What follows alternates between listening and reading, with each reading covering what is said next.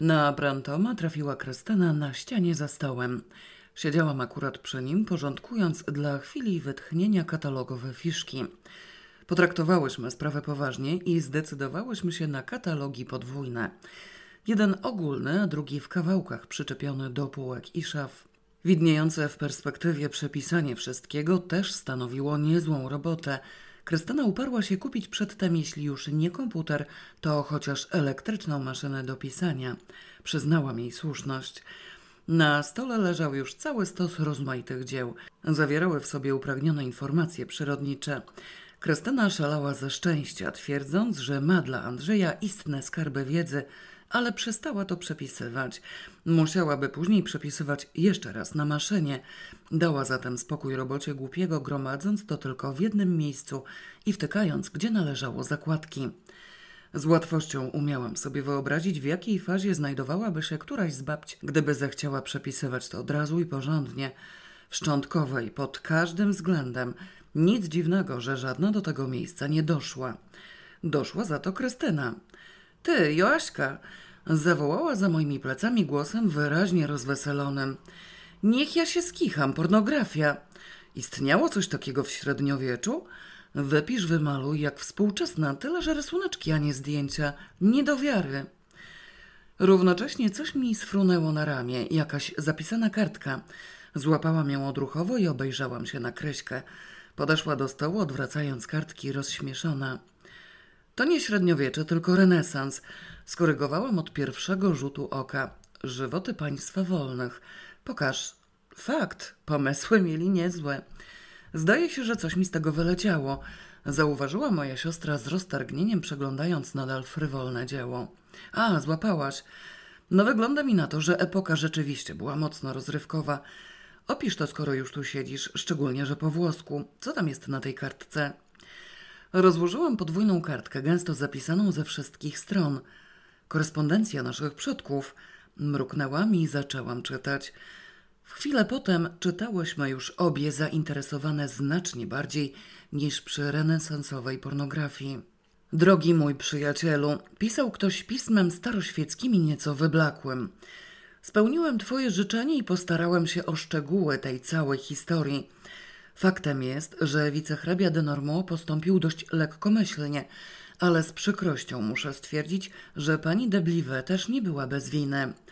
Jednakże to wicehrabia odstąpił ją Radży Biharu i dostał za nią największy diament świata, tak zwany Wielki Diament. Pani de Blive wydawała się obrażona, a co się z nią dalej stało nie wiadomo. Wicehrabia natomiast stracił ów diament bezsprzecznie należący do niego, skoro stanowił dobrowolną zapłatę. Był ranny w czasie szturmu, wyniesiono go z bitwy, już powraca powoli do zdrowia, ale bez diamentu. Ktoś go zrabował, tak sądziliśmy. Otóż byłem przypadkowym świadkiem sceny dającej wiele do myślenia. W czasie transportu rannych ku wybrzeżu przyplątał się krajowiec, szukał wicehrabiego. Usłyszałem słowa, jakie mu przekazał w imieniu Radży, czego nie poczytuję sobie za ujmę, bo stało się to rzeczywiście absolutnym, niezawinionym przeze mnie przypadkiem. Musieli być zaprzyjaźnieni, co wyraźnie świadczy o skrytych powiązaniach, ale dajmy spokój polityce. Rzekł mu takie słowa. Twoją własność ukryłem razem z moją w świątyni Siwy. Oto słowa mego pana. Wicehrabia mimo słabości okazał żywe poruszenie, ale posłaniec znikł od razu. Wydaje mi się, że chodziło o diament, a wicehrabia zna ową świątynię. Może jeszcze odzyska swój diament, co będę uważał za wielką niesprawiedliwość, bo pani de Blive mimo wszystko nie była jego własnością. Nasze tereny zajęli Anglicy, niejaki kapitan Blackhill. Na tym list się urywał. Popatrzyłyśmy na siebie. Ejże, powiedziała Krystyna podejrzliwie. Wiedziałam, co ma na myśli. Sądzisz? Spytałam niepewnie. Usiadła koło mnie i ze zmarszczonymi brwiami zaczęła ponownie studiować kartkę. Odnoszę wrażenie, że niejaki kapitan Blackhill zalicza się do naszych przodków, zauważyła cierpko. Panieńskie nazwisko prababci Karoliny wpadło mi w oko w testamencie. Podniosłam się bez słowa, udałam na górę i przyniosłam kserokopię testamentu prababci. Ja, Karolina Denor, młody domu Blackhill. Jeden pradziadek podwędził diament drugiego pradziadka? Powiedziałam z dużym powątpiewaniem. Krystyna spróbowała pokiwać się na krześle, ale było zbyt ciężkie. W zadumie wpatrywała się w ścianę naprzeciwko. Ciekawe, on nie zginął. Jest. Może go odnajdziecie. Nie cytuję prababci, streszczam. Wielki majątek. Nie widzicie się przypadkiem, że prababcia miała na myśli ówże diament rodzinny podwójnie? Co za różnica w końcu, który z naszych pradziadków zdołał nim zawładnąć. Wnioskując z Radży Bicharu, wydarzenie miało miejsce w Indiach. Odparłam również, popadając w zamyślenie. Kto wie, a może? Znów popatrzyłyśmy na siebie, rozumiejąc się bez słów. Korespondencja tajemniczego nadawcy skierowana do równie tajemniczego adresata rysowała na horyzoncie wielkie nadzieje. Siedziałyśmy obok siebie bardzo długo w milczeniu, a w środku coś nam rosło i wręcz czułam, jak w niej rosło to samo, co we mnie. Niemożliwe było uwierzyć tak od razu w równie imponującą tajemnicę przodków. Nikt za naszego życia o niczym takim nie wspominał. Nikt o żadnym diamencie nie wiedział. Żadne słowo na ten temat do naszych uszu nie dotarło. Osobliwy list stanowił zaskoczenie i gdyby nie zostały w nim wymienione doskonale znane nam nazwiska, potraktowałybyśmy go lekceważąco. Ale od razu skojarzyło się ostro z tą dziwną, pośmiertną korespondencją prababci skierowaną do jej prawnuczek i jakby rzucił się na nas. Wicehrabia de Normand, niewątpliwie nasz przodek, wywinął jakiś numer z podejrzaną damą, pozbywając jej się nader korzystnie. Ekwiwalent za damę wbrew pozorom nie przepadł. Gdzieś tam został zabezpieczony. No i co? Wrócił do niego czy nie? No i prababcia Karolina zapierała się za nimi łapami, że on jest. Zapierała się co prawda fragmentarycznie i w sposób niejasny, ale uparcie nawiązywała do niego, zwalając w dodatku na nas jakby klątwę, czy też może przeznaczenie. Miałyśmy go odnaleźć, załatwiwszy bibliotekę, co ma piernik do wiatraka. Wrócił do pradziadka i został ukryty w bibliotece? Nonsens. W co drugim kawałku listu prababcia twierdziła, że go tu nie ma. Gdzie w tym sens, gdzie logika? Ale może jednak mimo wszystko, pisząc owe tajemnicze słowa, miała na myśli coś, co niosło nazwę Wielkiego Diamentu i powinno należeć do rodziny. I nam przypadło w spadku. Poczułam, jak robi mi się gorąco i dreszcz przeleciał mi po kręgosłupie. Jak on napisał ten nadawca? Największy diament świata? Ciekawe, jaki rozmiar może mieć największy diament świata. Kalinan ważył pi razy oko przeszło 3 kilo. Wymamrotała nagle Krystyna. Porąbali go na kawałki. Spojrzałam na nią z roztargnieniem. Znów nasza myśl biegła tą samą drogą. Uczynić założenie, że coś takiego istnieje spróbować odnaleźć. Nęcące, owszem, ale głupie. Kto w dzisiejszych czasach trafia na wielkie diamenty poniewierające się po kątach? On już pewnie dawno przepadł w mrokach historii. Jednakże należałoby się zastanowić, kto do kogo do cholery pisał ten list? Zaczęła Krystyna po chwili.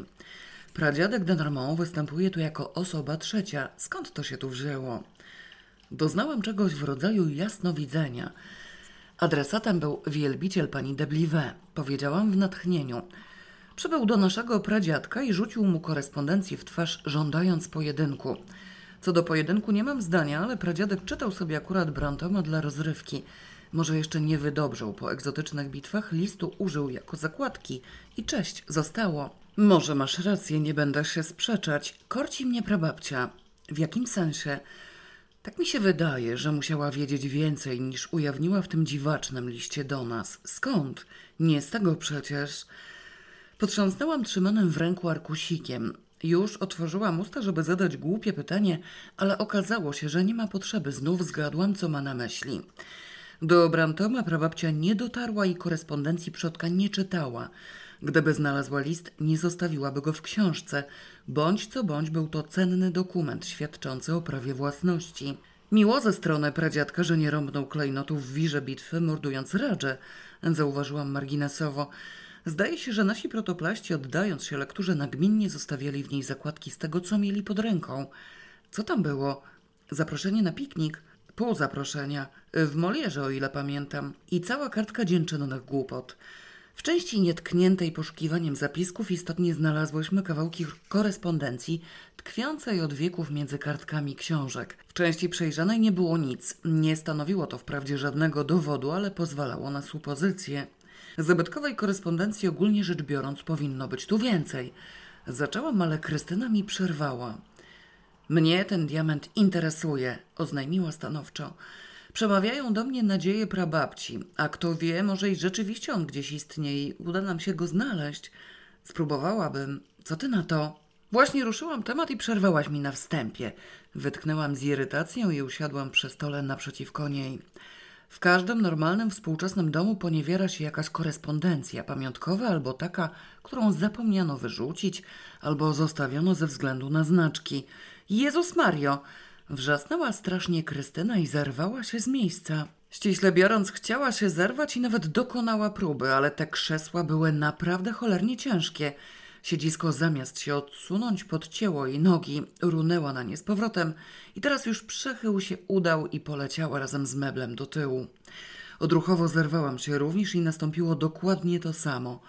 Chwalić Boga jednakże byłyśmy młode i dość wygimnastykowane. Żadna z nas nie rąbnęła, jak wór nie rozbiła sobie potylicy. Udało nam się przekręcić w locie, stukłam sobie łokieć, a ona biodro. Pozbierałyśmy się wśród licznych, krzepiących słów. Mogę grzecznie zapytać, co ci się stało, idiotko? Stęknęłam, podnosząc krzesło i ustawiając je na miejscu. Pozabijamy się tu. Znów mi przerwała, krzesło niemal furknęło jej w rękach. Idiotka, masz rację, tak. Boże, co za kretynka, nie masz siostry, masz oślicę. Głupia jestem bezdennie. Chętnie się zgodzę z twoim zdaniem. Usiadła wreszcie i pomasowała sobie biodro. Możesz mi dać po pysku, jeśli chcesz. Akurat nie chcę, łokieć mnie boli. O co chodzi? O znaczki. Wtedy, kiedy je zbierałam. W czasach, kiedy koniecznie chciałyśmy różnić się od siebie, ja maniacko haftowałam krzyżykiem, ona zaś wpadła w filatelistykę. Miałyśmy po 13 lat. Mnie hafty rychło przeszły, jej znaczki pozostały znacznie dłużej. Zazdrościłam jej nawet. Też korciło mnie kolekcjonerstwo, ale nie mogłam jej przecież naśladować. Interesowałam się tym w wielkiej tajemnicy. Zdobywała te znaczki zewsząd, wydzierając koperty całej rodzinie i grzebiąc w starych szpargałach. Jakiegoś wspaniałego łupu dopadła w Peżanowie, naszej zaprzyjaźnionej wsi, do której podobno miałyśmy tajemnicze prawa. Co roku bywałyśmy tam na wakacjach i nie tylko my, ale jeszcze nasza babka i reszta rodziny. Stary Kacperski, uparcie zwany Jędrusiem, twierdził nawet, że gdyby panienki chciały spalić dwór, on słowa nie powie, bo gdyby nie któraś nasza prababka, jego na świecie by nie było. Opowieści krążyły zgoła historyczne. Lepiej je znałam niż Krystyna, ale też niedokładnie.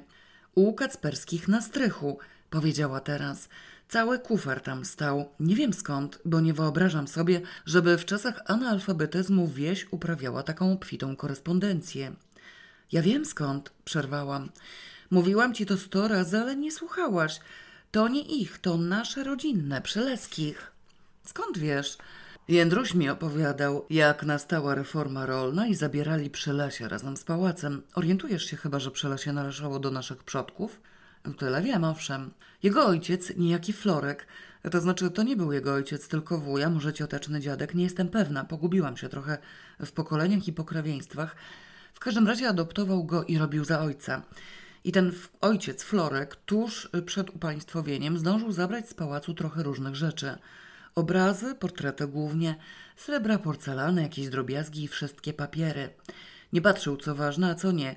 Kupą wygarnął i ukrył na strychu u siebie w Parzanowie. I to właśnie znalazłaś. Mów teraz dalej, bo już zgaduję, że tam było coś interesującego. Kryśka kiwnęła głową kilka razy. Muszę ochłonąć i tyłek mnie rąbie. Mam nadzieję, że kość mi nie pękła. To jak myślisz, jeżeli zadzwonimy, tam Petronela przyniesie nam wina? Trzeba będzie coś uczcić? Sama za chwilę ocenisz. To co, dzwonimy? Ryzyk fizyk. Nie Petronela, czyli francuska Pierrette, tylko Gaston, lokaj, powłócząc nieco nogami, przyniósł nam wina z naszych własnych winnic. Było całkiem niezłe. Przyzwyczajone do obsługiwania się samodzielnie, tak rzadko zawracałyśmy głowę wiekowej służbie, że nasze życzenia uważano wręcz za rozrywkę. Może i rzeczywiście nudziło im się okropnie. Wypijmy zdrowie tego florka, zaproponowała Krystyna, unosząc kieliszek. Z przyjemnością a potem ci chyba naprawdę przyłożę, bo już tracę do ciebie cierpliwość. Powiesz wreszcie, co cię rzuciło, czy mam się poważnie zdenerwować? Już mówię, ale boję się, że dopiero jak opowiem, to cię szlak trafi, tak jak mnie. Otóż słuchaj, tam był list, może dwa, ale jeden na pewno. Była w nim mowa o jakiejś historii z diamentem. Wyglądało to nawet sensacyjnie, kryminał jakiś, ale nie skojarzyłam. Rozumiesz, do głowy mi nie przyszło, że to może dotyczyć mnie. Co mnie to w ogóle obchodzi? Ty masz pojęcie, jaki znaczek był na tym? Pierwsza polska cięta, nieząbkowana. Owszem, to mogłam zrozumieć. Po utajnionych studiach wiedziałam, co znaczy pierwsza polska cięta. Dlatego zostawiłam całość, ciągnęła Krystyna. Kopertę razem z listem, z szacunku dla skarbu. I nie zabij mnie, szczegółów nie pamiętam. Ochapia mi się tylko diament. Słuchaj, a może to korespondowało z tym tutaj i mogło coś wyjaśnić? Zabić cię chyba trzeba, zopiniowałam ze wstrętem.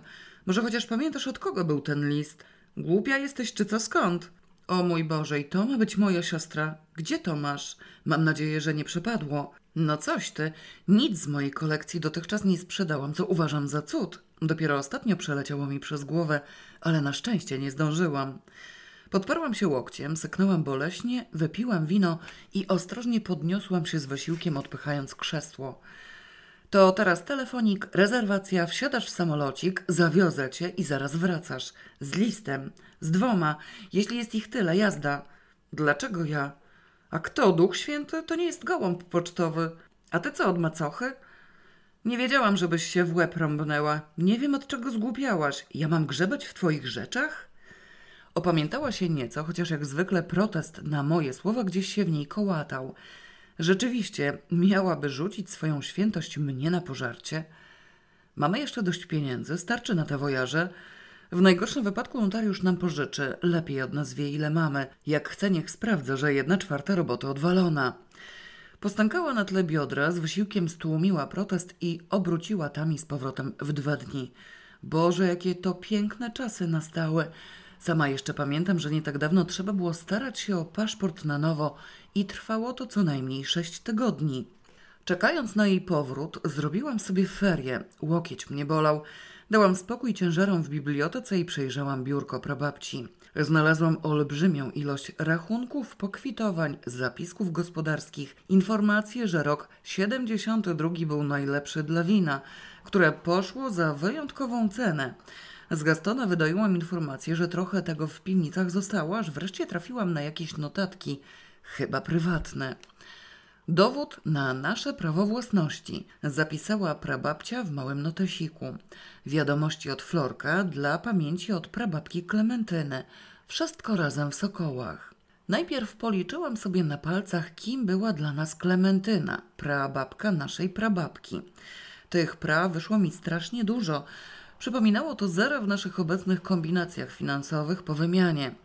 Pra, pra, pra, prababka. Przypomniałam sobie, że córką owej Klementyny była nasza pra, pra, prababka Dominika Przyleska, ta, którą po śmierci upaństwowili. Babka naszej babki Ludwiki, rzewnie przez nią wspominana. Obdarzyła spadkiem wnuczkę z pominięciem córki, dzięki czemu wszyscy przeżyli ostatnią wojnę i cudowne czasy po niej. Zaraz, kto był jej córką? A, prawda, właśnie ta Justyna, matka mojej prababci Karoliny de domu Blackhill. Zatem pra prababka Justyna musiała być żoną kapitana Blackhilla. Nie, zaraz, opanujmy się.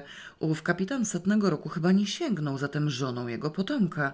Mniej więcej ustawiłam rodzinę chronologicznie i zreflektowałam się. Same kobiety, a gdzie dziadkowie?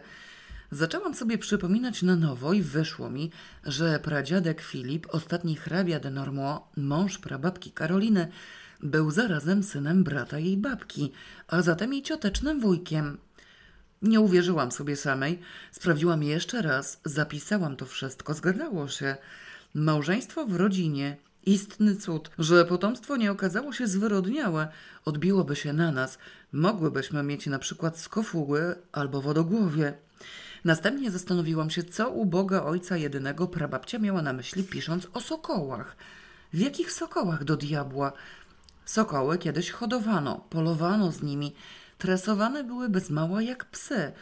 Taka sokolarnia, czy jak to nazywać, istniała pewnie w każdym zamku. Tu też. Może jeszcze istnieje bodaj szczątek.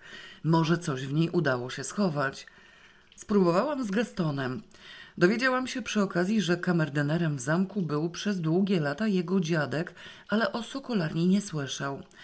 Już za dziadka polowania z sokołami trochę podupadły, chociaż całkiem jeszcze z mody nie weszło, ale hodowli chyba nigdy nie było. Psy tak, konie również, prawie do ostatnich czasów, ale sokoły? Gdyby zależało mi na ptactwie, jest kurnik i gęsiarnia. Dałam spokój sokołom, mogła to być przenośnia. Wróciłam do historii, która zawsze wydawała mi się interesująca, a tu, można powiedzieć, dotyczyła mnie osobiście. Wdałam się w rozpamiętywanie wszystkiego, co słyszałam od dzieciństwa, a teraz mogłam potwierdzić. Brakowało mi konkretnych dat, które intrygowały mnie z pustej ciekawości. Głowiłam się nad nimi aż do chwili, kiedy znalazłam kasetkę rozmiarami zbliżoną do kufra, pełną dokumentów urzędowych. Znajdowały się tam akty urodzeń, chrztów, ślubów i zgonów, sięgające blisko 400 lat wstecz. Okazało się, że mąż prababki cioteczny wuj był od niej starszy zaledwie o 10 lat. Martwiłam się, być może irracjonalnie, iż młoda dziewczyna poślubiła starego pryka. Nic podobnego, młodzieńca w sile wieku, pra i tak dalej. Babka Klementyna urodziła się w Polsce jako hrabina dębska. Ciekawe, o żadnych dębskich słowa nie słyszałam. Widocznie wymarli. No jasne, powstanie było styczniowe, emigracja, nominacja wicehrabiego de Normaux na kapitana jakiegoś regimentu w Indiach. Czy to przypadkiem nie ten od upłynnienia pani de Blivet i zamiany jej na diament? Daty pasują. Jakiś Raymond de Normaux, który zmarł 24 sierpnia 1572 roku w wieku lat 26. Jezus Mario, ależ to noc świętego Bartłomieja. Tyle lat, mój Boże. Może i szkoda, że wujek Wojtek za skarby świata nie chce zostać bodaj teoretycznie kolejnym hrabią de Normua. Powinno się szanować historię. Jeszcze siedziałam nad kufrową kasetką, kiedy Krystyna wróciła, przywożąc korespondencję. A ty mnie masz za głupią? Jeszcze czego? Powiedziała wyzywająco na moją niepewną uwagę. Będę się pozbywała pereł z kolekcji. Wszystko z tych kopert przepisałam na wszelki wypadek, a teraz idzie o zawartość. Przeczytałam to już dziesięć razy, proszę bardzo. Teraz czytaj te. Zgadza się jak w banku. Z rozcapierzonymi pazurami i dzikim wzrokiem rzuciłam się na przywiezioną korespondencję. Oka prawie nie zmrużyłam przez dwie doby. Mamrotała dalej z urazą. Ten parszywy samolot się spóźnił w obie strony, jak głupia siedziałam na lotnisku. Musiałam skoczyć do babci, bo tam dużo zostało. Pół domu przeszukałam. Ktoś robił porządki i wszystko poprzestawiał. Ochapiało mi się, że coś zlekceważyłam i chciałam to znaleźć, ale wyszło mi, że nic. W ogóle, gdyby nie ta pierwsza polska cięta, o tym liście pojęcia bym nie miała. I oczywiście królowa Wiktoria po półtora pensa. Dopadłam ją wtedy jak harpia, ale treść przeczytałam dopiero teraz. Mam dodatkowe wnioski. Nie powiem ci jakie, bo jestem ciekawa, czy sama z siebie wyciągniesz takie same. Zamknij gębę, poprosiłam grzecznie i przestań mi przeszkadzać. Znalazłam tu całą historię. Idź do diabła na razie. Spełniła moje życzenie, poszła do swojej sypialni i kropnęła się spać. Mogłam oddać się lekturze. Moja siostra oczywiście przywiozła same listy bez kopert, które razem ze znaczkami i stemplami stanowiły skarby bezcenne. Na szczęście miała tyle przyzwoitości, że chroniąc przede mną owe koperty, Nazwiska i adresy z nich pozapisywała na marginesach odpowiednich kartek korespondencji i dzięki temu wiedziałam przynajmniej, kto i do kogo pisał. Od razu zaczęłam się dziwić. List z Polski do Anglii, pisany po francusku przez Ludwika de Narmois. Ten znalazł się w Parzanowie. No nie, w Przylesiu też, ale to u nas. Jakim sposobem? Do Anglii doszedł, jeśli już ocalał, powinien był tam zostać. Zaraz, do kogo pisany? Adresat hrabia Wacław Dębski. Co miał do niego hrabia de Normua? A, teść. Drogi ojcze mojej żony, pisał ów Ludwik, całość utrzymując w żartobliwym tonie mimo wagi tematu. Musieli być zaprzyjaźnieni. Moment, niech sprawdzę jak to było. Co hrabia de Normua robił w Polsce i kim był jego teść Dębski? Archiwum z kufrowatej kasetki okazało się przydatne w stopniu wręcz wstrząsającym. Nie ośmieliłabym się marzyć o takiej pomocy naukowej, a weszła mi w ręce niczym z niebios zesłana. Pogrzebałam w tym, no oczywiście, Ludwik de Normaux to był mąż pra-pra Klementyny, a jego teść to jej ojciec, hrabia Dębski. Data, mm, kiedy to? A wojna francusko-pruska. Oblężony Paryż zapewne pojechali do Polski, gdzie istniała chyba jakaś rodzina i woleli tam przeczekać tutejsze zamieszanie. Pra i tak dalej dziadek Dębski siedział w Anglii. Wszystko jedno dlaczego. Korespondencję zachował. Skąd jednak znalazła się w Polsce? Może przewiózł? Nie wykluczam, że mógł przyjechać po udziale w powstaniu styczniowym. Może zatem umarł i wszelkie papiery pod nim odesłano do posiadłości przodków. Ludzie w tamtych czasach mieli zwyczaj robić paczki z listów, obwiązywać je wstążeczką, pisać na wierzchu do kogo należą i komu przekazać, a uczciwi notariusze rzetelnie spełniali polecenia z zagrobu. Dlaczego w ogóle pradziadek Dębski siedział w Anglii? Pochodził z Polski, zamężną córkę miał we Francji. A wszystko jedno. Pozostawiając na uboczu kwestię wojaży pradziadka, przeczytałam wreszcie ów list i zdaje się, że dostałam wypieków. Pra, pra, pra, pra, pradziadek Ludwik zawiadamiał jeszcze więcej pradziadka Dębskiego o przedziwnej aferze, która podobno dawno temu wybuchła w Anglii. Dotyczyła ogromnego diamentu, o czym dowiedział się od warszawskiego jubilera niejakiego Krepla. W wyniku afery ktoś popełnił samobójstwo. Podobno pułkownik George Blackhill podejrzany o rabunek czy coś w tym rodzaju. Diament pochodził z Indii. Ciekawi go ta historia i prosi o szczegóły, ile drogi teść zdoła je zdobyć. Jubiler Krepel twierdzi, że głównie kręcił wszystkim niejakim Sir Meadows, też jubiler. Może to służyć jako wskazówka. Chwyciłam drugi list. Jak psu z gardła wojęty, pognieciony bez początku i końca. Kto u diabła tak źle go traktował? Krystyna czy adresat? Jeśli moja siostra zabije ją, wykopie z zamku, niech jedzie i szuka brakujących kartek. W każdym razie musiał stanowić odpowiedź dziadka Dębskiego, bo przyszedł z Londynu do Przylesia w miesiąc później. Widocznie przez miesiąc pradziadek zbierał informacje i plotki. Że wielki jak pięść, to jeszcze podobno podwójny jak dwa jajka razem zrośnięte. Tak o nim mówią, głównie Sir Meadows. Nie pojmuję, skąd im się to bierze, bo nikt go na oczy nie widział, z wyjątkiem nieboszczyka Blackhilla, ale podobno opisywał go dokładnie, a sam był pedantem, więc mu uwierzono. Podejrzenia na niego padło, jakoby symulował uczciwość, w tym właśnie celu, aby bezkarnie dokonać rabunku w owej świątyni, którą miał pod opieką. Plotki krążyły, że ów diament należał do jakiegoś Francuza, którego utracił ranny w bitwie, ale o tym mówi się bardzo mętnie. Wdowa po pułkowniku poślubiła bratanka o tym samym imieniu, z czego zgorszenie nawet było, ale już dawno przycichło i syn z tego związku chowa się bez nijakiej dyskryminacji. Diamentu w domu pułkownika rzecz to oczywista, nikt nie szukał, skoro wolał śmierć niż dyshonor. Potem jeszcze jakaś gwałtowna śmierć u nich nastąpiła, ale to nikt znaczący, osoba ze służby. Policja sprawę badała. Przypadkiem wiem, że niejaki inspektor Thompson z Londynu podobno jeszcze żyje. Telemi na owym raucie Sir Meadows powiedział, że Lady Arabelle Blackhill widział na własne oczy i muszę wyznać, że mimo wieku rzadko która młoda panna może się z nią równać urodą. Na tym się urwało. Talentem śledczym pradziadek raczej się nie wykazał, chociaż możliwe, że na brakujących stronach było więcej konkretów, ale i tak napisał jak dla mnie dość. Diament zaczął nabierać rumieńców. Jeżeli afera na jego tle wybuchła w Anglii, znaczyłoby to, iż opuścił Indię i przeniósł się do Europy. Istniał w ogóle – nie był mitem i legendą. Pułkownik pedant dla fantomu nie popełniałby samobójstwa. Skoro istniał, odnalezienie go wykraczało w dziedzinę realiów. Krystyna przywiozła tej korespondencji znacznie więcej. Musiała spędzić na grzebaniu w swojej kolekcji ładne parę godzin. Nic dziwnego, że była niewyspana. Należały jej się słowa uznania za przechowanie filatelistycznych skarbów w całości bez dewastacji zawartości kopert.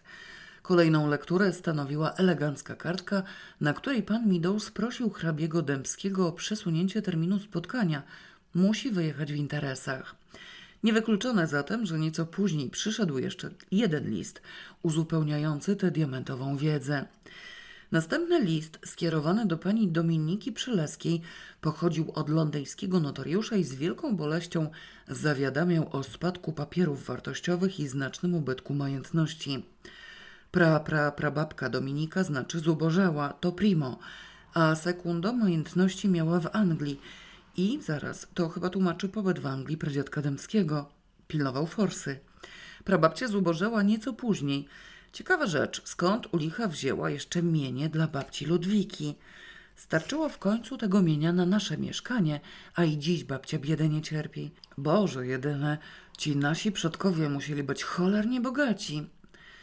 Zostawiłam przodków na marginesie i przeczytałam następną epistołę, dość krótką, ale za to kompletną, w której pra prababka Justyna donosiła swojej matce o zaręczynach z lordem Blackhillem, którego wszak droga mamusia doskonale znała, bo spotkały go w Nicei i chyba nie ma nic przeciwko temu, a babcia również pozwala. Miała straszne przeżycia. Zanim przyjechała do Anglii, zdenerwowała się okropnie trucizną w Sokołach, ale to już zostało wyjaśnione i wszystko opowie osobiście przy najbliższej okazji. No i masz, znów Sokoły. Zaraz, jej babcia to kto? A, ta od Ludwika, Klementyna de Domodemska. Wariactwa dostanę z pewnością przez tę mieszaninę pokoleń. Ogólnie jednak Krystyna miała rację. Zgadzało się jak w banku. Ten jakiś wielki diament istniał i tajemniczo przepadł, a otóż właśnie nie wiadomo, czy przepadł, bo prababka Karolina wyraźnie usiłowała nas przekonać w tych dziwnych początkach listu, że nic podobnego. Wcale nie przepadł, tylko jest. Ratunku. W każdym razie wyraźnie widać, że przepadanie rozpoczęło się w Anglii i tam tkwią korzenie całej imprezy. Czy nie z tej przyczyny prababcia zaparła się przy bibliotece? W końcu tam właśnie wśród książek znalazłyśmy pierwszą bezcenną informację. Zioła mogły stanowić tylko pretekst. Zniecierpliwiona do szaleństwa doczekałam jednak samodzielnego obudzenia się Krystyny, bo i tak niewyspana byłaby do niczego. Samodzielne obudzenie się nastąpiło o jedenastej wieczorem. No i co? Spytała z zainteresowaniem, siadając do kolacji, którą służba w postaci Gastona i Pieret celebrowała z wyraźnym upodobaniem. Widocznie bez grymasów państwa nudziło im się śmiertelnie. Ile miałaś tych wniosków? spytałam wzajemnie. Jeden czy więcej? Bo ja mam dwa. No proszę, ja też dwa, ale jeden jest prosty, z drugiego jestem bardzo dumna i tylko ten liczę. No, co ci wyszło? Po kolei. E, primo, daj tę cytrynę, nie chroni ją przede mną. Cytryny stanowią tu produkt pospolity. Zastanowiłam się, skąd w Polsce list, który przyszedł do Anglii. Oni żadnych listów nie wyrzucali, przechowywali wszystkie jak leci. Przypuszczam, że pradziadek umarł, obojętnie gdzie, byle nie w Normua. Bo co? Bo w Normua zostałby w Normua. Tak sądzę. Umarł gdzie indziej, a jego papiery wysłano do rodzinnego gniazda, chyba do wnuczki, do Przylesia. Istnieje możliwość, że gdziekolwiek jechał, woził wszystko ze sobą, ale głównie siedział w tej Anglii, zapewne miał tam jakiś dom. Do kraju nie wrócił, więc w grę wchodzi przesyłka. Cała korespondencja i wszelkie dokumenty pojechały do Przylesia. No więc, krzyknęła Krystyna z triumfem i machnęła widelcem, z którego zleciał jej kawałek królika w sosie koperkowym. Wpadł na szczęście do salaterki z sałatą, nie tykając obrusa. Też to wymyśliłam. Chociaż mam wrażenie, że przy to nie po tamtym pradziadku, ale rodzina. I z tego wniosku jestem szalenie dumna, bo nie moja dziedzina i o historii główno wiem. Z tym też myślałam, że przyjechał i przywiózł to ze sobą. Właśnie tak, jak mówisz. Dlaczego uważasz, że do kraju nie wrócił? Bo był powstańcem styczniowym. Jak tylko wrócę, pogrzebie u Kacperskich, może coś się tam znajdzie. Intryguje mnie, jakim cudem ocalił majątek. Jego córka, pra, pra, czekaj, muszę liczyć na palcach, pra, pra, pra, pra babka Klementyna miała posag, co wynika z intercyzy ślubnej. Skąd wiesz? E, widziałam intercyzę. Znalazłam tu rodzinne dokumenty. Fantazja. Możesz sobie też poczytać, jak będziesz chciała. Jej tatuś siedział w Anglii. Ulic tam chyba nie zamiatali. Po I wojnie światowej jeszcze mieli co tracić, a nawet po drugiej im trochę zostało. A powstańcom styczniowym skonfiskowali całe mienie. Pradziadek był emigrant. Jeśli za wielką łapówkę nie załatwił sobie amnestii, a ta Anglia wskazuje, że nie załatwił, nie mógł przyjechać, bo kibitka już na niego czekała. Papiery po nim jednakże mogli przysłać. Uczciwy notariusz takie rzeczy załatwiał. No dobrze, rozumiem. Chcesz wina? Pewnie, że chcę. Jak ci się ono widzi? Znakomite, co to jest? Nasze własne z 72 roku. Był to najlepszy rok na wina. Trochę nam zostało i wycynganiłam flach od Gastona, żeby nas uczcić. Bardzo praktyczną wiedzę zyskałaś z tych dokumentów rodzinnych. Pochwaliła Kryśka oglądając butelkę. Może ja też poczytam? No, wal dalej. Ten drugi wniosek. Zdaje się, że nie ma siły, trzeba jechać do Anglii. Właśnie, samo się nasuwa. Przelałam na kartę kredytową całą resztę pieniędzy, bo byłam pewna, że też na to wpadniesz. Znalazłaś tu coś jeszcze? Owszem, powiedziałam jadowicie. Sokoły. Kryśka o mało nie wylała wina na siebie. No wiesz, ona, któraś tam prababka, zdenerwowała się trucizną w sokołach. Ja się tej lektury nauczyłam na pamięć. Co to znaczy? Wzruszyłam ramionami i przysunęłam sobie marynowane oliwki. Duch święty jestem. Już próbowałam się popytać, bez rezultatu. Powiedziałam jej wszystko, co odkryłam przez czas jej nieobecności i nic nam z tego w kwestii sokołów nie wynikło. Snując rozmaite przypuszczenia, co jedno to głupsze, skończyłyśmy kolację i na dalszy ciąg rozważań udałyśmy się do gabinetu. Zebrałyśmy do kupy całą uzyskaną wiedzę o diamencie. Wreszcie rozumiem prababcie, oznajmiła Krystyna. Diament ma być podwójny, a nas jest dwie, bliźniaczki, prawie omen. Zawiadamiam cię uroczyście, że jeśli uda nam się go odnaleźć, do końca życia złego słowa nie powiem przeciwko bliźniętom. Sama jestem gotowa takie świństwo urodzić. W ostateczności mogę i ja, zaofiarowałam się szlachetnie.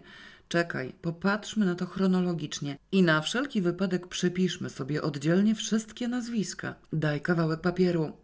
Chciałyśmy tego diamentu. Nie miało znaczenia, w jakim stopniu odzyskanie go było realne. Pragnienie od razu stało się silniejsze niż rozum. Rozwiązywał nasze życiowe problemy, skomplikowane finansowo mimo ogólnej zamożności rodziny. Spadek po prababci dawał dużo, ale jeszcze nie umiałyśmy tego w pełni ocenić. Normua musiało zarabiać na siebie tymi krowami, drobiem i winem. Zysku dodatkowego nie było. Wydawało się, że ogólnie zdobywamy zaledwie połowę tego, na czym nam zależało. A zależało nam cholernie, obu z tego samego powodu przez chłopa. Krystyna już się przyznała do Andrzeja. Normalny maniak, średnio sytuowany. Uparł się przy swoich badaniach i jakaś pracownia analityczna była mu potrzebna jak powietrze. Twierdził z rosnącym uporem, że w przyrodzie istnieje lekarstwo na raka i on ma szansę je odkryć. Nie popuści. Taki judym cholerny. Na szczęście resztę charakteru miał więcej do życia i Krystyna mu w tej pracy nie przeszkadzała. Przeciwnie, chętnie by ją widział przy swoim boku jako pomoc i wspólniczkę. Podział zajęć, ona kombinuje forsę, a on odwala robotę nie śpiąc po nocach, bo mu coś tam w naczyniu bulgocze i olejki eteryczne musi łapać, pewno za ogon. Krystyna siedziała w komputerowej łączności. Mogła się przestawić na komputerowe analizy bez trudu, ale musiała zarabiać. Duży zastrzyk finansowy rozwiązywałby jej tę sprawę. Ja swojego jeszcze ukrywałam. Głupio mi było ujawnić własne zidiocenie. Sytuację miałam akurat odwrotną. Pawełek był monstrualnie bogaty w trzecim pokoleniu. Cichutko bogaty, bez rozgłosu, bo zaczął jeszcze jego dziadek w niesprzyjających czasach wdał się w międzynarodowe interesy, co było bardzo źle widziane i Force musiał ukrywać. Puścił na swoje ślady syna jedynaka, któremu było łatwiej, ale ujawnić mienie mógł dopiero Pawełek i to w ostatnich latach rozkwitu gospodarczego, o ile ten generalny odgórny kant można nazywać rozkwitem. Z kantu korzystać nie musiał, wszyscy oni po kolei mieli talent do biznesu i stan posiadania Pawełka przekraczał moją wiedzę matematyczną. Nigdy nie zdołałam zapamiętać, jak się nazywa to coś z taką ilością zer. Znane mi z nazwy miliard to była dla niego suma na drobne wydatki. Już od dziadka pokutowało w nich przekonania, że baby lecą na forsę. Dziadek urodą nie grzeszył, ojciec był już znacznie przystojniejszy, a Paweł, lepiej nie mówić, same mi się ręce do niego wyciągały i nie tylko mnie. Matki były pięknymi kobietami i stąd wzrastające walory zewnętrzne synów. Mimo to żywił pewność, w genach chyba zakodowaną, że nic z tego mógłby wyglądać jak małpa i też dziwy by go odpadły. Uczucia ukrywałam także i przed nim. Udawałam, że go wcale nie chcę. Marzyłam o zdobyciu samodzielnie wielkiego majątku. Jaguarem chciałam jeździć Rolls Royce'em, mieszkać w willi z elektroniczną kuchnią, której bałabym się śmiertelnie, mieć łazienki wykładane delftami, meble nie, na Ludwikach siedziało się niewygodnie, komutki ewentualnie i sekretarzyki. Karnawał w Rio spędzać na własny koszt, nawet tym jachtem parszywym dysponować. Może by wtedy wreszcie zmienił zdanie. Ambicja mnie ogłuszyła, ale rozum miał w tym swój udział. Lecieć na mnie owszem, leciał. Nie był dziwkarzem, baby lazły mu w ręce nachalnie, ale nie szedł po linii najmniejszego oporu. Wybierał starannie. Wyglądało na to, że wybrał mnie. Ale w jego upodobaniu ciągle tkwił cień lekceważenia. Biedna sierotka, którą jaśnie pan podniesie, bosą i obszarpaną z zakurzonej drogi, posadzi na tronie i kawiorem nakarmi. Ciemno w oczach mi się robiło od czegoś takiego. Zaczynałam zazdrościć Krystynie. Bez wielkiego majątku nie miałam szans przekonać go, że mam gdzieś jego forsę. To znaczy, owszem, uwierzyłby, nie zarzucałby mi perfidii i ugarstwa, ale jakiś tam ślad przekonania w jego duszy by mu pozostał, nieudolnie zaklajstrowany. Nie chciałam tego. Umiałam sobie wyobrazić, co by z tej sytuacji wynikło. Głupie szenszyle na gwiazdkę mogły stać się kamieniem obrazy i ciosem sztyletu w serce, a samochód? Gdybym sama kupiła sobie tego Rolls Royce'a, zabrakłoby mi w sklepie na mydło i filety z morszczuka. I co? Miałabym wymówić takie głupie pytanie: Pawełku, daj pieniędzy, ależ przez usta by mi nie przeszło, udławiłabym się na śmierć. Nie, za nic. Nie ustawię się w roli małej kurewki na utrzymaniu milionera. Chyba taki, co milionerem pomiata. O nie, też do kitu. Primo Paweł nie nadawał się do pomiatania, a sekundo, pomiatanego bym nie chciała. Odpadał w przedbiegach. Za to gdybym mogła przy tych szynszylach dać mu nawzajem w prezencie bliźniaczą połowę największego diamentu świata. O tak, to by mi wreszcie rozwiązało ten supeł. Inaczej czekało mnie najgorzej dziki upór i rezygnacja z Pawła i żal do końca życia, ściśle spojony z niepewnością, czy to w ogóle miało jakiś sens, czy nie należało plunąć na honor i ambicje, poddać się, pogodzić z jego kreteńskim zdaniem o kobietach, za to mieć go dla siebie chociaż przez jakiś czas. Niezbyt długo, bo jedno czego byłam pewna, to to, że długo bym nie wytrzymała. Okropne. Kiedyś wysiłki czynili mężczyźni, a baby siedziały na tyłku i czekały, co im z tego wyjdzie. Wolałabym. A skąd? Baba wisząca na chłopie to ochyda, nie człowiek. Z dwojga złego preferowałam sytuację obecną. Możliwe, że była to głupota śmiertelna. No to co?